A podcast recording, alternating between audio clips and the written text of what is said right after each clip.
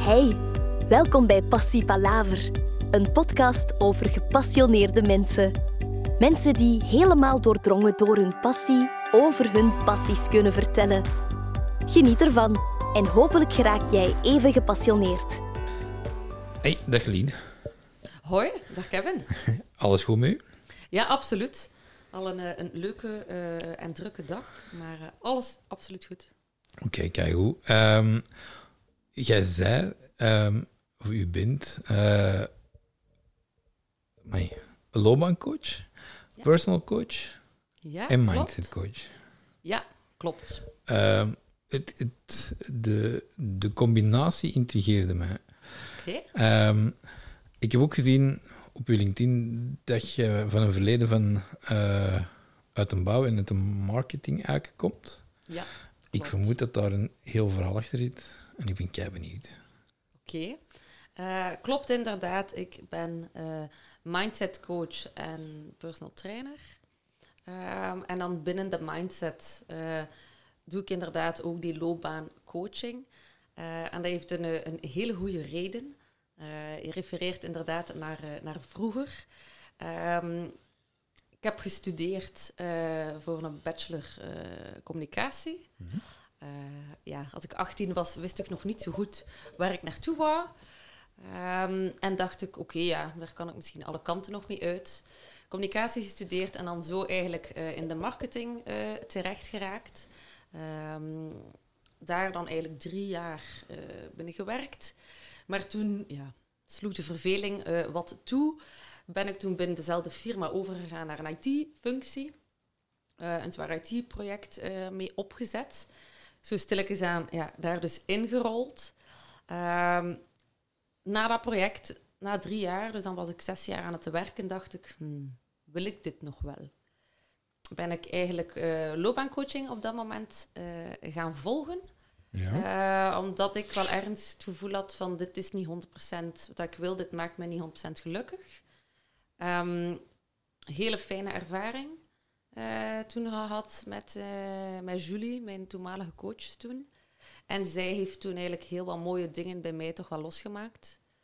Ehm, ik ben toen er even van tussen gegaan. Ik ben toen vijf maanden gaan rondreizen, een kleine wereldreis gedaan twee maanden eh, Australië, eh, Nieuw-Zeeland, dan een maand en dan nog twee maanden Azië.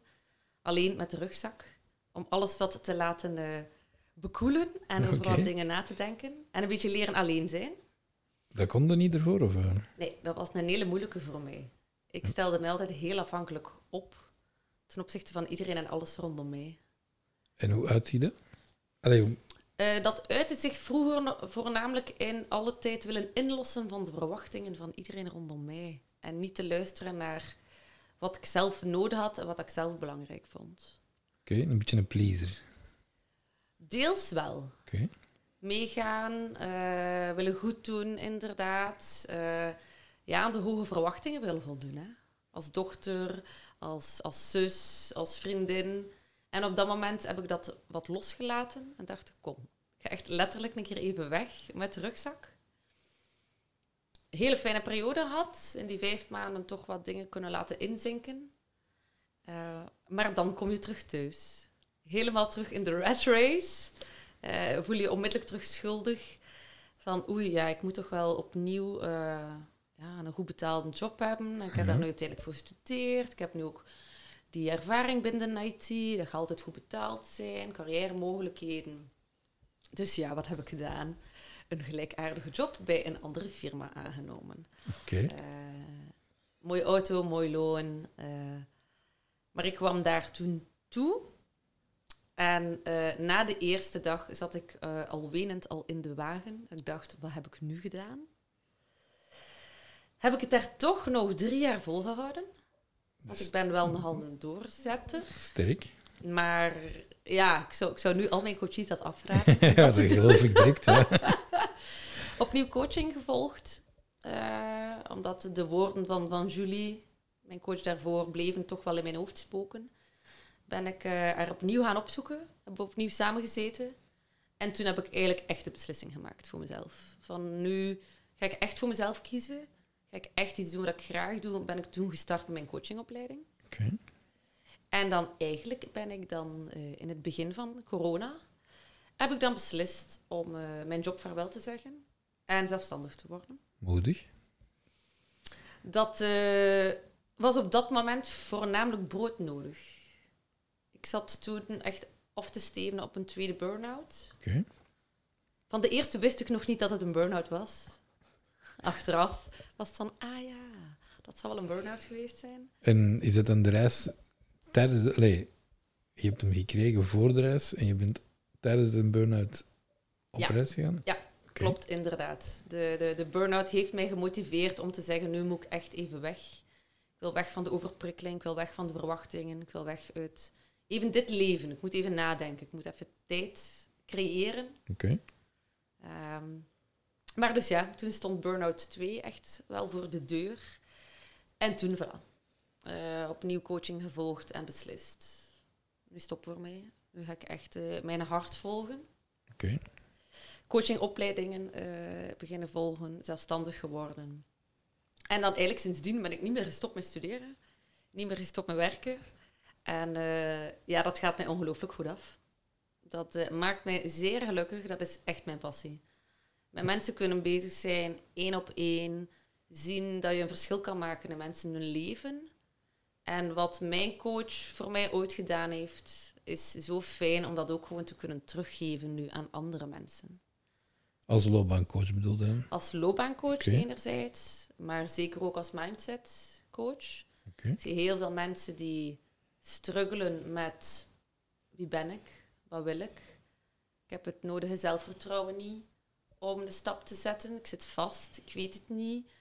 Eh, en dat is heel fijn om dan met die mensen aan de slag te kunnen gaan met gesprekstechnieken en andere methodes om ja, echt te gaan ontdekken wie zijn zij. Waar worden zij terug warm van? Waar krijgen zij terug energie van? Waar ligt hun passie? Oké. En eh, waarom zit de loopbaancoaching mee onder de mindset coaching? Uw job is deel van uw leven. En ik zeg altijd tegen mijn coaches, laat je job passen in je leven en niet vice versa. Bij heel veel mensen is de job de hoofdpijler waar dat al de rest moet ingepast worden.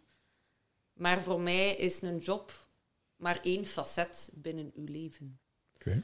En binnen de mindset coaching gaan we eigenlijk nog veel meer gaan inzoomen op ja, wie ben ik? Wie ben ik? Wat wil ik? Hoe wil ik naar mezelf kijken? Hoe wil ik naar de wereld kijken? Oké. En jobcoaching, dus de job aan zich, dat is daar een klein onderdeel van. Dus daar ga ik ook met andere methodieken gaan werken, is de focus ook anders. Maar het komt wel in C altijd op hetzelfde neer. Maar de weg er naartoe is anders. En komen ze voornamelijk bij u terecht voor de loopbaan of voor de mindset of, voor de, of komen ze voor het totaalpakket? Eh, eerst was het voornamelijk eh, voor loopbaancoaching, omdat dat ook, en godzijdank, gesponsord wordt, deels door de overheid. Met de, met de, Met de loopbaanchecks, klopt. Bij VDAB kan je, als je zeven jaar gewerkt hebt in Vlaanderen, kan je loopbaanchecks aanvragen. En dan kan je eigenlijk voor 80 euro, krijg je zeven uur individuele begeleiding. Ja, ja. Eh, anders kost jou dan makkelijk 700 euro. ja ik, heb, ik heb het zelf ook gedaan.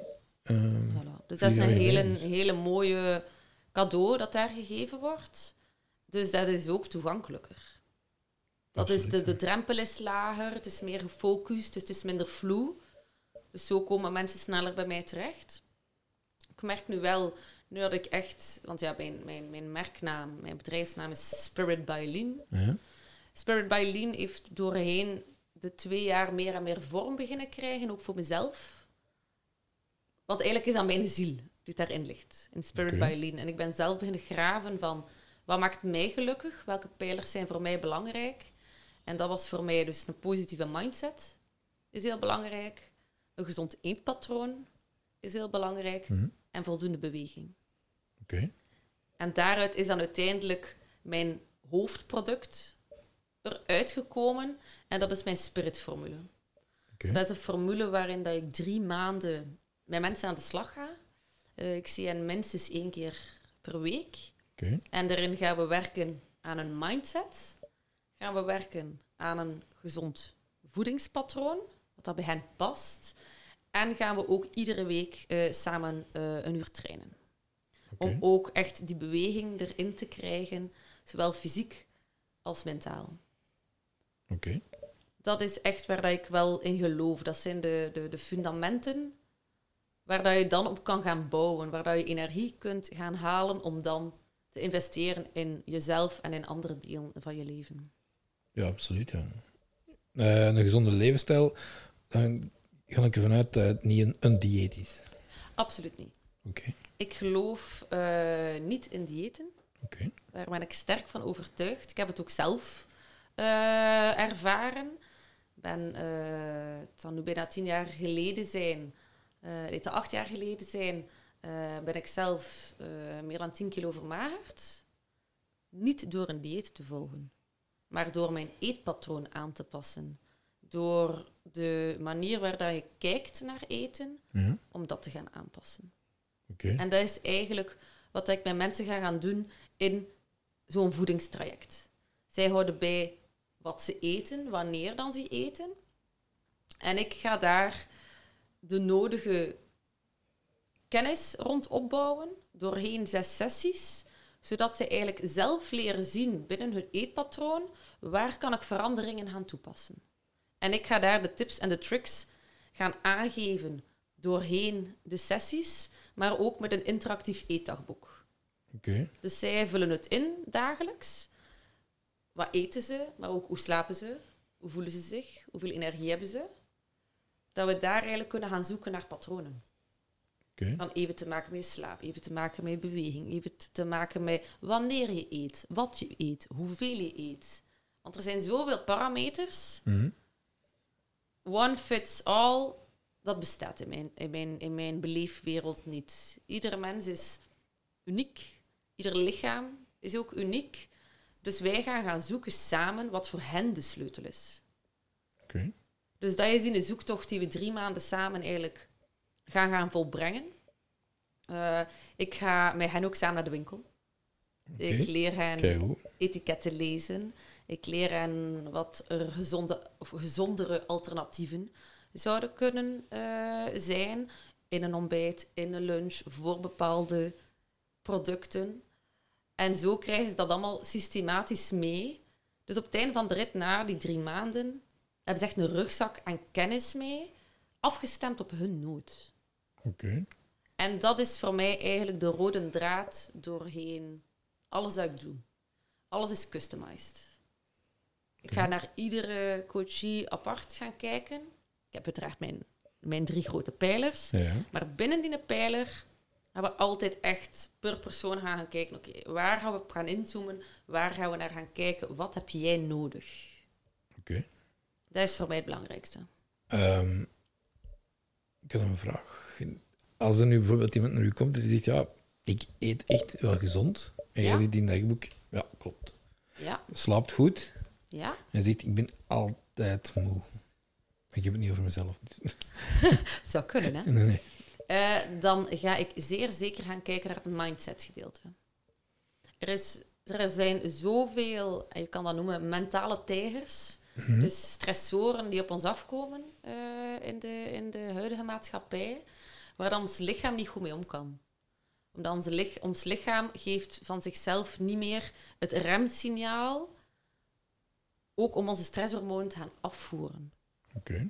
Dus dat heeft heel veel te maken met weten wat je energie kost. Het gaat dan over mentale energie. Ja, ja. Wat dat je in C energie kost, wat dat je stabiel maakt, wat dat je doet ontspannen, wat dat je rust brengt en wat dat je weer heel veel energie gaat gaan geven.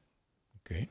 En dat is eh, een heel groot gedeelte binnen de mindset coaching waar dat ik op focus. Is mensen terug leren zien wat hun rust brengt, wat hen energie geeft, waar ze enthousiast van worden.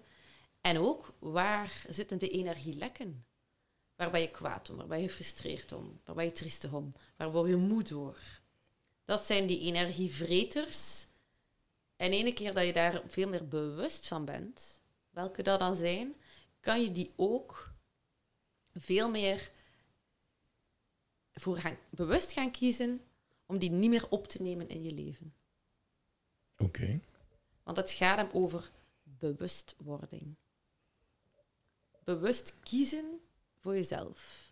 Bewust kiezen voor wat dat je nodig hebt. Bewust kiezen voor wat dat je belangrijk vindt. Want dan kan je dicht bij jezelf blijven.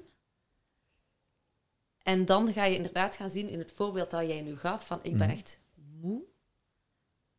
Dan zal er waarschijnlijk daar een heel groot stuk liggen van de oplossing. Oké. Ehm, ik moet zeggen, als ik, ik heb zelf loopbaancoaching ge- gekregen. Ja? Ehm, dat was eigenlijk voor mij niet achteraf gezien.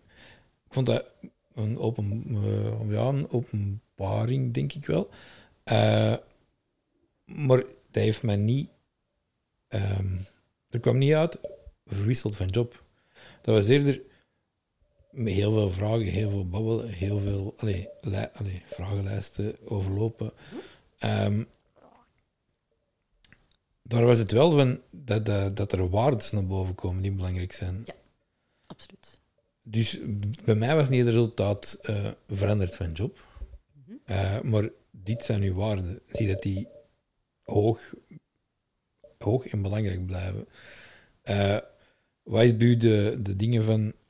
Bij hoeveel mensen komt erop uit, ja, dit is niet de job die je moet doen. Bij mij is het meestal, als ik nu kijk naar, naar de trajecten die er allemaal al geweest zijn. Hè? Als ik een rode draad Mhm. moet trekken, gaat het dan inderdaad veel meer over mensen die niet op de juiste plaats zitten, die niet in de juiste omgeving zitten, dan puur de job die hen niet ligt. Maar je hebt drie pijlers ook binnen de loopbaancoaching waar ik naar kijk. Je hebt jezelf als persoon, met inderdaad uw waarden. En daar leg ik heel veel nadruk op. Zeker ook in mijn mindset coaching ook. Dat komt, in, dat komt altijd terug. Dat is uw kapstok. Dat is uw kapstok om te beslissen, weer bewust beslissen. Wat heb ik nodig? Wat vind ik belangrijk? Daarvoor heb je je waarden nodig als checkbox om te zeggen: oké, voldoet iets aan mijn persoonlijke waarden? Ja, dan gaan we voor. Dus ik zie heel veel. Allee, we zien dus in die eerste pijler gaan we echt gaan kijken naar de mens, persoonlijkheid, waarden, ehm, talenten, competenties, dergelijke meer. Mhm. Tweede pijler gaan we voornamelijk gaan kijken, een hele belangrijke, wel, voor welk soort bedrijf wil je werken?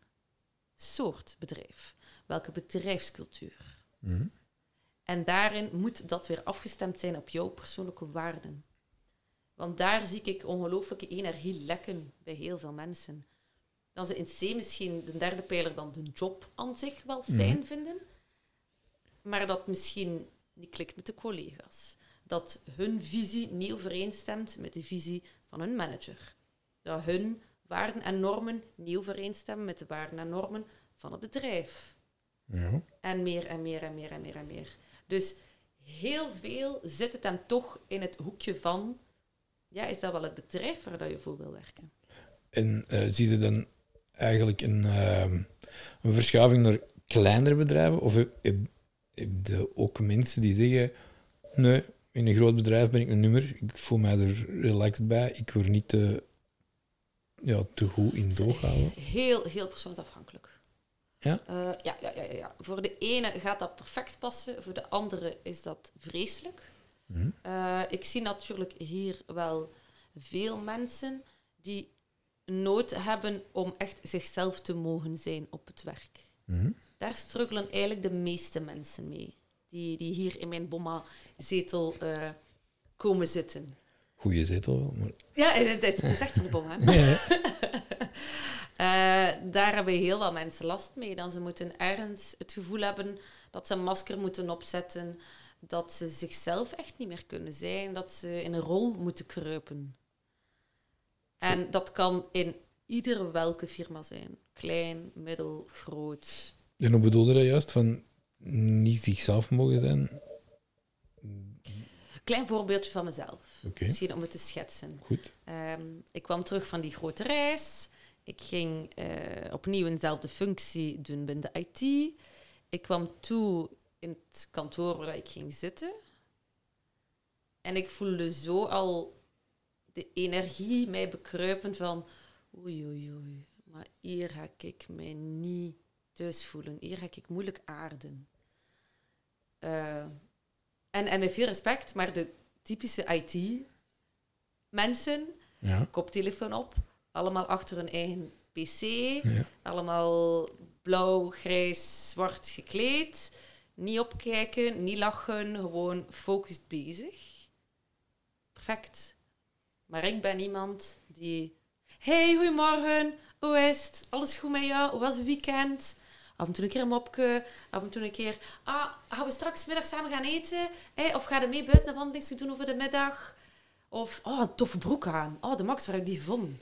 Dat ben ik. Ik wil lachen, ik wil kunnen met mensen converseren. Ik wil een aangenaam gevoel hebben op mijn job. Bij die mensen was dat geen must. Of over de middag werd er daar braaf de boterhammetjes opgegeten. Ik vind dat brood nodig om te kunnen connecteren met iemand. Om over iets fijn te kunnen spreken. Maar ik had niet, we hadden niet dezelfde interesses. Dus dan komen er ook geen waardevolle gesprekken uit, in mijn ogen. En dat zijn zaken van, die ervoor zorgen dat je minder en minder jezelf wordt. Ik zag mijn eigen van iemand die heel uitbundig, extravert is, happy, echt zo verschrompelen. Naar iemand die stil was, teruggetrokken en niet meer de nodige energie haalde uit de kleine dingen. Ik was nog een schim van mezelf naar het einde toe. Gestresseerd, klein, ehm, twijfelachtig, onzelfzeker, eh, triestig. Maar kun je dan bijvoorbeeld die anderen daar niet in forceren? Of is dat dan ook weer langs de andere kant niet goed? Je hebt eigenlijk nooit geen controle over iemand anders. Ik hoef ook de anderen niet te veranderen. Die mensen, voilà, met alle respect, waren doodgelukkig. Voor hen was dat oké. Dus waarom zou ik trekken en sleuren aan anderen om iets te veranderen dat ik niet oké vind? Terwijl dat zij het wel oké vinden. Oké, dat is waar. Moesten we nu als team zeggen: nee, we gaan dat hier anders doen. Eh, kom, huppen deze. Ruiten open, een bloemetje neer. We gaan eh, een spelletje introduceren. Voilà. Allee, wat fijne dingen doen Mhm. samen. En iedereen staat daarachter. Ja, fantastisch. Maar als andere mensen er geen nood aan hebben, kan je een ander niet dwingen of forceren. En dan is het kijken naar jezelf. Oké, misschien pas ik hier gewoon wel niet in deze groep. Misschien is dat niet wat ik nodig heb. Oké, en die melding die je toen had een heb je die, dat zo gemeld? Of heb je achteraf ingezien, dat was eigenlijk het probleem? Dat heb ik achteraf. Allee, dat heb ik veel gedacht. Oké. Of eh, je denkt het eerst onbewust, maar je weet het niet. Je kunt er je vinger niet op leggen. Van waarom voel ik me nu zo ambetant hier? Waar- Waarom gaat dat niet? Waarom moet ik mij hier naar het werk slepen alle dagen? Waarom heb ik conflicten met mensen? Waarom ben ik kort? Waarom ben ik beu? Ben ik anders zo niet? Hoe komt dat? En er zomaar niet die vinger op kunnen leggen. En op een gegeven moment, ja, komt weer die bewustwording door jezelf af te vragen van ja, het ligt misschien niet aan de anderen, het ligt misschien aan mij. Mhm. Ah ja, oké, het is gewoon inderdaad niet wat dat ik hier nodig heb. Dit is niet een bodem waar dat ik in kan groeien. Dat is een bodem waar dat ik in verschrompel. Er zitten er geen voedingsstoffen voor mij. Oké. En dat is iets dat ik fijn vind als loopbaancoach om daarnaar te zoeken met de mensen. Want als coach geef jij nooit de oplossingen. De oplossingen komen uit de mensen zelf. Maar jij houdt de spiegel wel voor.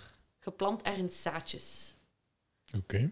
En Ja. dat is, dat is super fijn om dan soms te zien dat zelf op zeven uur een tijd, dat mensen echt soms transformaties doormaken van, nee, oké, inderdaad, ik ken mijn eigen nu een stuk beter. Ik wil iets anders. En dan zitten we soms al echt op het niveau van job, hè.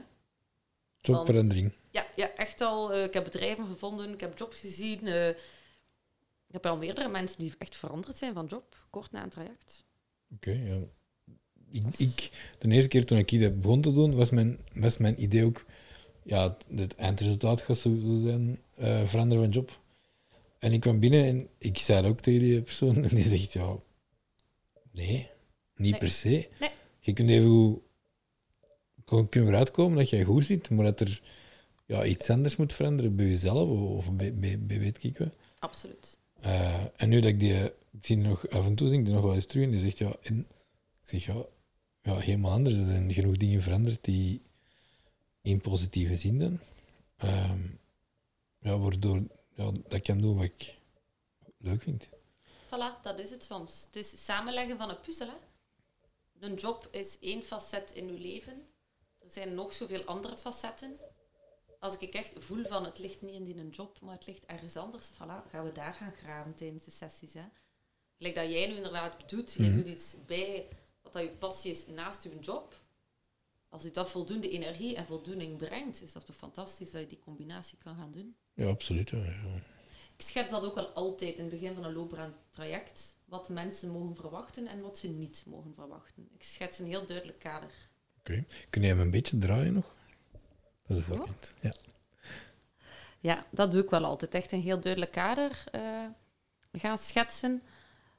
Dat mensen hier zeker niet zitten met een bepaalde verwachting die ik niet kan inlossen. Gebeurt dat vaak, die verwachting? Mensen spreken hun verwachtingen meestal niet uit, hè? Oké. dus je weet het niet. Dus ik anticipeer op het feit dat mensen denken dat ik voor hen de droomjob ga zoeken. Dat doe ik niet. Ga ik hem met alle macht van de wereld helpen om hen ertoe te motiveren om inzichten te krijgen? Ja.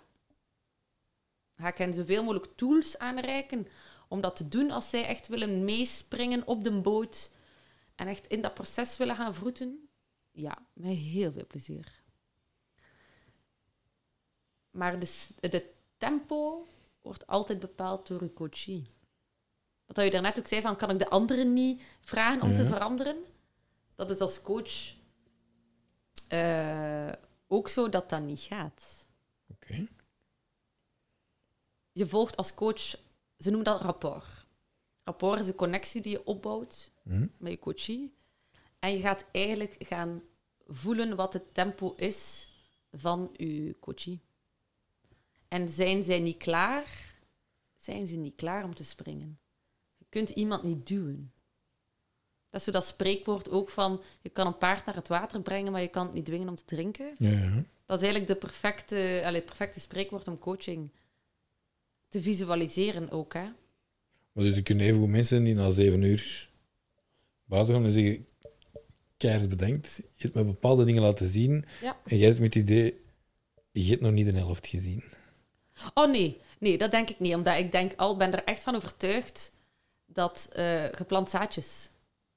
En mensen, en dat groeit verder. Zelf al zijn, komen zij niet meer bij jou. Hm? Je hebt ze ergens iets meegegeven dat misschien binnen een jaar zal groeien. Of binnen drie jaar, of binnen tien jaar. En dat is de snelheid van iedere coachie zelf. Die dat bepaalt, zijn zij daar klaar voor? Als ik de eerste keer mijn loopbaanbegeleiding heb gevolgd, was ik niet klaar. Ik was niet klaar om te springen, om iets nieuws aan te gaan. Anders had ik niet opnieuw zo'nzelfde job aanvaard. Ja, ja, ja. Maar ik was toen gewoon niet klaar. Had Julie mij dan gepusht, ging het niet geholpen hebben. Het moet uit de mensen zelf komen. Je Oké. moet zelf van overtuigd zijn dat het wil veranderen. Zelf van overtuigd zijn dat het waard is. En ja, that's when the magic happens. Hè. Dan wel- zie je het in de mensen de ogen van, yes, ben er. Voel het. Ja, dat is waar. Het heeft pijn genoeg gedaan, nu gaan we er iets aan doen. En dat is een zalig gevoel. Hè. Dat is zo fijn. Ik heb vandaag nog een, een mailtje binnengekregen van een coachie. Mhm. Die zei van, "Ah, ik heb nog veel aan onze sessies gedacht. Je hebt echt iets losgemaakt bij mij. Ze heeft bij haarzelf iets losgemaakt, hè. Maar fantastisch. Ja, Zo absoluut. fijn dat mensen bewuste keuzes maken voor hun eigen geluk. Dat is voor mij de grootste cadeau. Als ik dat hoor. Ja, dat zal wel. Ehm, dus dan even terug naar, het, eh, naar heel de, de, het verhaal. Ja? Ehm, de, was het niet spannend om in, direct met corona zelfstandig te worden? Of It was a bit insane. ja, dacht je niet direct zo... hmm, Ja, ik, ja, ik had de beslissing gemaakt, dus eh, ik dacht, it's now or never. We gaan, we gaan het niet uitstellen, want ik weet niet hoe lang deze pandemie gaat duren. Dus nee, we stellen het niet uit, we gaan gewoon gaan. Ehm, is het moeilijk geweest? absoluut. Ik denk dat ik nu pas kan zeggen, we zijn nu een goede twee jaar later, twee jaar en een half later. Nu pas begin ik op mijn effen te komen. Nu pas begin ik echt te geloven van, yes, we zijn vertrokken. Mijn agenda zit vol. De coaches beginnen nu ook spontaan Mhm. tot bij mij te komen. Er komen aanvragen binnen. Het loopt, het rolt. Maar dat heeft twee jaar geduurd. Oké. En, en dat bestond in... Was het dan ja, via Zoom of zo? O, o- die loopbaancoaching, was dat... Nee, mensen kwamen wel nog altijd bij mij. Oké. eh, omdat ik vind dat heel lastig online. Ik ben Ja. iemand die, die heel graag energie voelt. Mhm. die ook heel graag met de mensen connecteert. En dan vind ik dat... Je mist een deel. Je mist echt een deel binnen de communicatie als je het online doet. Als het niet anders gaat, doe ik het wel. Mhm. Met mensen die bijvoorbeeld te ver in locatie eh, zitten of met tijdsdruk, doe ik het zeker wel. Eh, maar ook tijdens corona, dan deed ik het bijvoorbeeld buiten. Ik wandelcoachings. In de open lucht. Ik denk altijd, waarom willen ze weg? Er is altijd voor alles wel een oplossing. En dan besprak ik dat met, eh, met de mensen waar dat zij zich comfortabel bij voelden. En zo wisten we wel altijd een manier om het te, te doen lukken. Ja, ja, dat zal wel. Ja. En dus dan die... Ik vermoed dan dat die personal coaching eerder op het einde van corona is binnengegroeid. Of niet? Ik ben eigenlijk... ehm, tijdens corona ben ik gratis workouts eh, beginnen geven eh, buiten.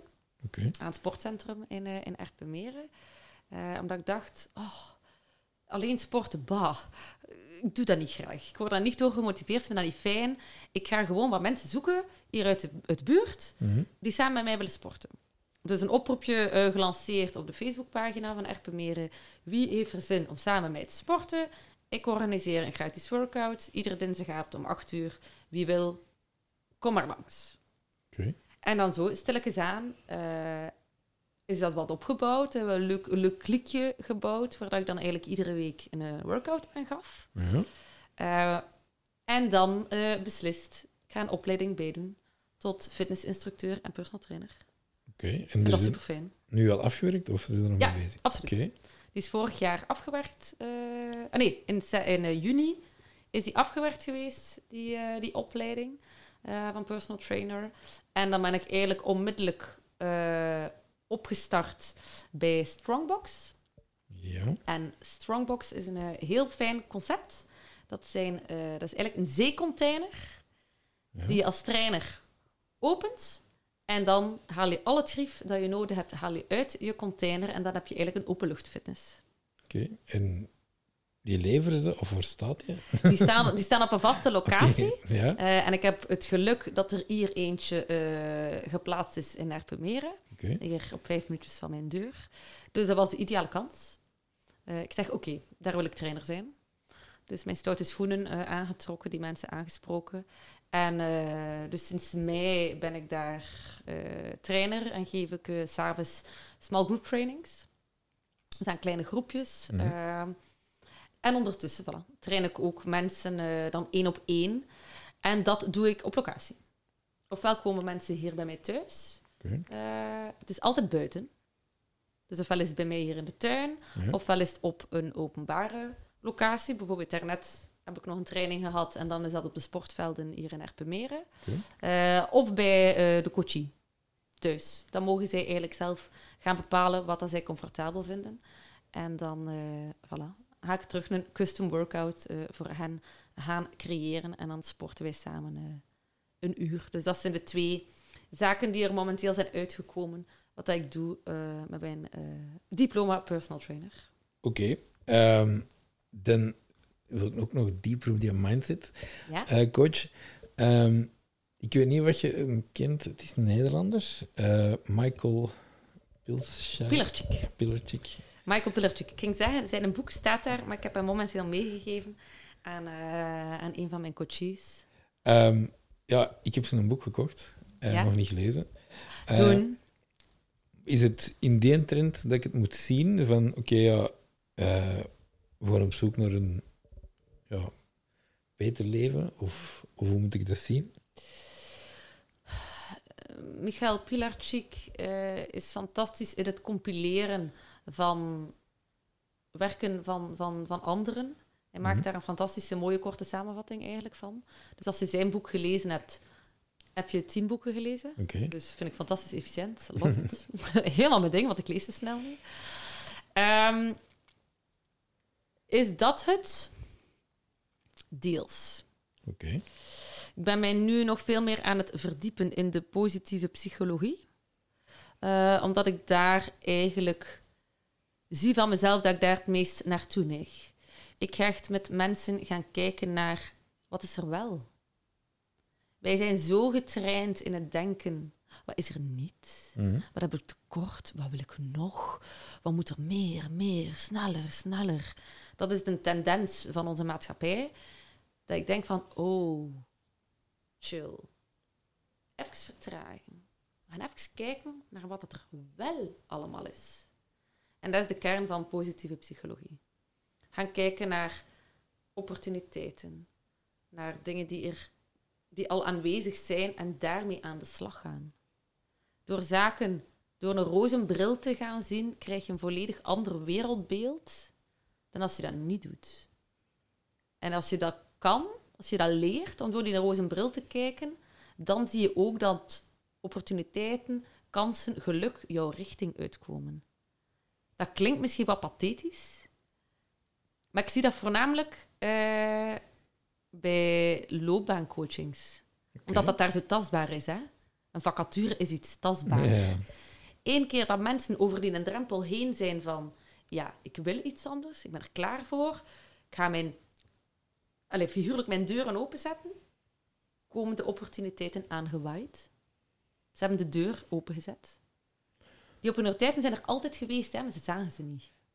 Maar is het ook niet dat je... ehm, als je met die... Als er een vacature is, Ja? als je bekijkt ze, een vacature is puur qua woorden altijd beter als uw huidige job.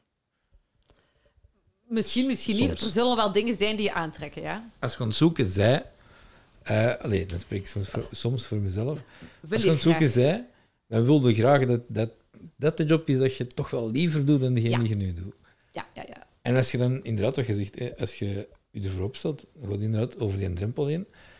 Maar het is even goed, als je naar dan je huidige job zou kijken, met een roze bril, ja, ga je die deur misschien ook terug toedoen, omdat je zegt, ja, ja dat, zijn wo- dat zijn woorden eigenlijk, die... Het is altijd aftoetsen. Het is altijd aftoetsen naar... Ja, wat, wat wil ik nu echt? Hè? En inderdaad, misschien zit het wel met een job vandaag al en hoef ik helemaal niet te veranderen. Het is inderdaad uw blik. Uw blik wordt verruimd door coaching. Dat is eigenlijk wat dat u doet als coach. Hè? Iemand komt in C binnen met, met paardenkleppen Mhm. op. En stilletjes aan, dus dat wereldbeeld is redelijk gefixeerd. En je gaat dat wereldbeeld beetje bij beetje gaan opentrekken. Heel zachtjes en heel mild ga je daaraan gaan trekken. En zo zien mensen plotseling iets helemaal anders. Ja, misschien kan ik ook wel... Allee, als het dan over de loopbaancoaching gaat, bijvoorbeeld, ja, misschien moet ik eens met mijn, met mijn ja, eh, leidinggevende gaan, gaan spreken en krijg ik die opportuniteit wel, want tot Ja. op heden heb ik nog nooit gebabbeld met mijn... Misschien moet je inderdaad verwachtingen uitspreken. Ja. Daar ligt er meestal een heel grote knoop bij mensen. Hè? Ze denken heel veel, ze veronderstellen heel veel, Mhm. maar ze weten het niet zeker. Als je ze dan motiveert om op een positieve, voilà, weer ben daar met positief, hè, om op een positieve manier in de communicatie te gaan en in de interactie, dan kan je uitspreken wat je wil. En dan kan de andere partij daarop reageren. Is dat dan fijn, is dat niet fijn? Voilà, dat ligt dan weer niet meer in jouw controle. Maar jij hebt wel je verwachting uitgesproken. Klopt. Dus dan moet je niet meer ja, gaan veronderstellen van ze zullen wel nee zijn, het zal wel niet zijn.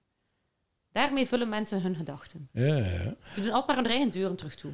M- Merk je daar een verschil op tussen man en vrouw?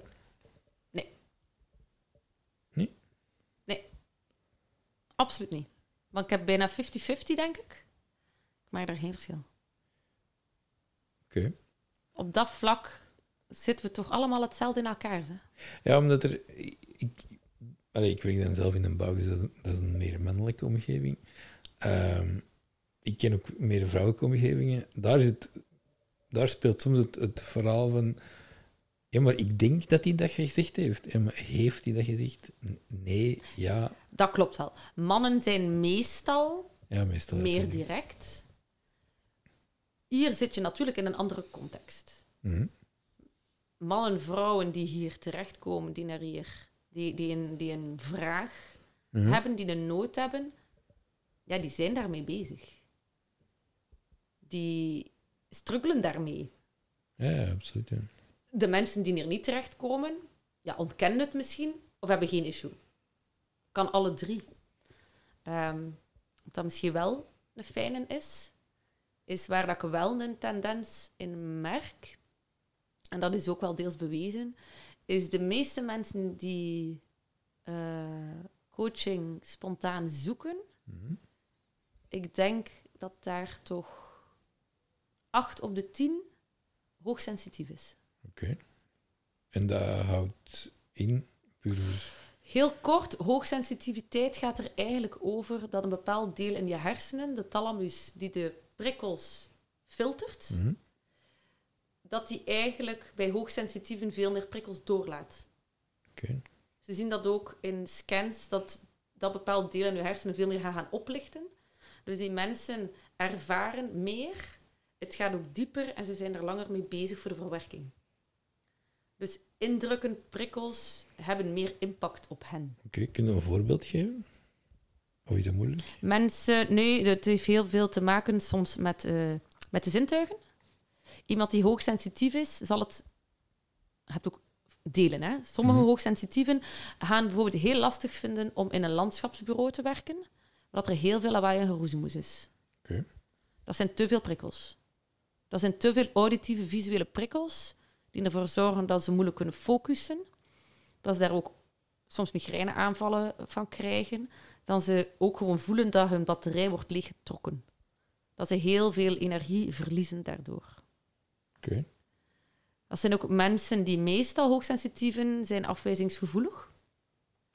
Gaan daardoor zichzelf in twijfel gaan trekken. Gaan daardoor minder zelfvertrouwen hebben. Gaan meer ook soms in die slachtofferrol gaan kruipen. Dus voelen ook veel meer die pijn. Mhm. Die hen dan motiveert om naar een coach te gaan. Oké. Dus dat is nu mijn, mijn nieuwe uitdaging voor eh, 2023.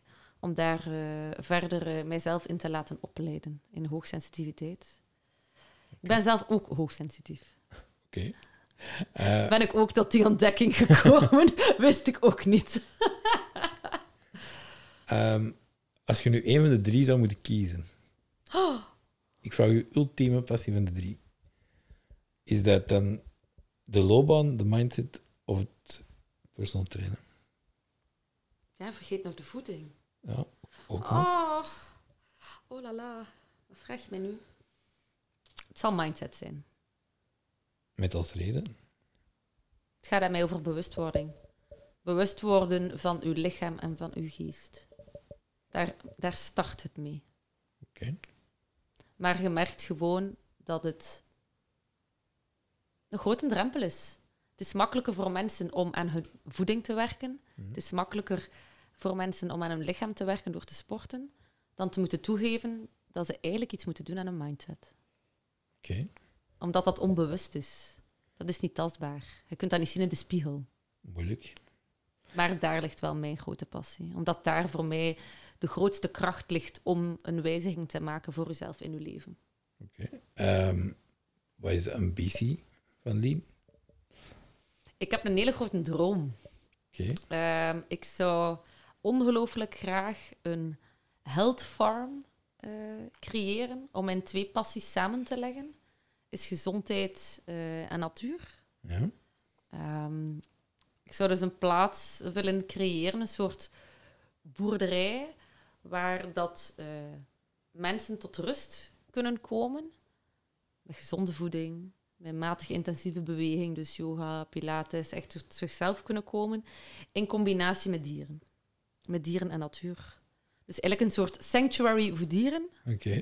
waar dan mensen terug hun hart kunnen ophalen en terug energie kunnen bijtanken. Geen gsm's, geen laptops. Jammer nog ook geen kinderen, sorry. dus enkel volwassenen en dieren. En die ambitie is, en die droom is voor binnen 5, 10, 15? Of welke termijn wilde erop plakken? Vijf zal wel kort zijn, we moeten realistisch zijn. Tien zal ook nog spannend worden. Moest ik dat binnen vijftien jaar kunnen realiseren, dat zou fantastisch zijn. Ziet u uw huidige job nog 15 jaar? Allee, u, ja, uw passie eigenlijk? Ja, Ja. ik weet. Ja. Dit is echt wel... eh, Ik heb heel lang moeten zoeken, maar dit is wel echt op mijn lijf geschreven. Ik doe dit ongelooflijk graag. Ik zou dat ja, alle dagen voor de rest van mijn leven wel kunnen doen. Daar krijg ik energie van. Is ja, andere mensen kunnen helpen, Mhm. zorgzaam kunnen zijn, attent kunnen zijn. En zien dat mijn enthousiasme ergens iemand anders kan aansteken. Terug dat vuurtje zien branden in mensen de ogen. Daarvoor doe ik het. Oké. Ehm, dan de voorlaatste vraag. Dat is niet hetzelfde als de laatste vraag. Eh, Spannend. wat zijn voorbeelden of eh, mensen die je bewondert? Eh, Charlotte Labé is een, is een Nederlandse vrouw die heel veel schrijft over overprikkeling. Eh, heel interessant. Ehm, dat zij haar ook baseert op de wetenschap. Ja. Eh, dus het kan dan ook gestaafd worden. Dan een Belgische dame, Severine van de Voorde. Ehm, zij heeft haar eigen coachingpraktijk ook, maar is ook dus gespecialiseerd in die eh, van stress naar veerkracht. Dat is ook hoe ze haar boek noemt. Eh, hele interessante dame. Eh, al heel veel dingen van mogen leren. Heel fijn. Ehm, ja, het zijn, het zijn meestal altijd dames. Toch wel die, die, mij, die mij inspireren. Ja. Ehm, en ja, en dan de laatste vraag, die ik iedere aflevering stel. Eh, wie vind jij heel gepassioneerd en moet zeker eens gehoord worden? Ik ben zeer benieuwd. De man Ja. die ik nomineer is eh, Jan Delcourt. ja. En Jan Delcourt, eh, samen met Steven de Meijer, zijn de oprichters van Strongbox. Dus waar dat ik die trainingen geef. Twee jonge, heel ambitieuze mannen ehm, met hele fijne ideeën. Eh, en Jan daar in het specifiek is echt een ondernemer puur sang. Heel veel ideeën, weet ook hoe die, hij die ideeën dan in de realiteit moet gaan omzetten. Ehm, dus ja, als ondernemer van het jaar zou ik hem zeker eh, willen nomineren. En daarnaast is ook een, een, een heel fijne persoon. Dus ik denk dat zijn verhaal, eh, wat Strongbox voor hem betekent, waar dat hij daarmee naartoe wil, eh, zeer toepasselijk is op onze huidige maatschappij en waar dat we naartoe gaan. Dus daar ga je een zeer interessant verhaal aan hebben, denk ik. Oké, kijk hoe. Eh bedankt dat ik mocht komen, Lien. Ja, jij het, super eh, bedankt om tot in Nieuwerkerken te willen rijden. ik hoop dat je het plezant vond. Dat is fantastisch. Oké, kijk hoe. Heel Salutjes, fijn. hè. Doei. Bedankt. Bedankt voor het luisteren naar Passiepalaver, de podcast. Hopelijk hebt u ervan genoten. Je kan ons altijd volgen op Instagram, het Passiepalaver Podcast. We zijn bereikbaar op www.passiepalaver.be. En als er suggesties of opmerkingen zijn, kan je altijd mailen naar passiepalaver.gmail.com.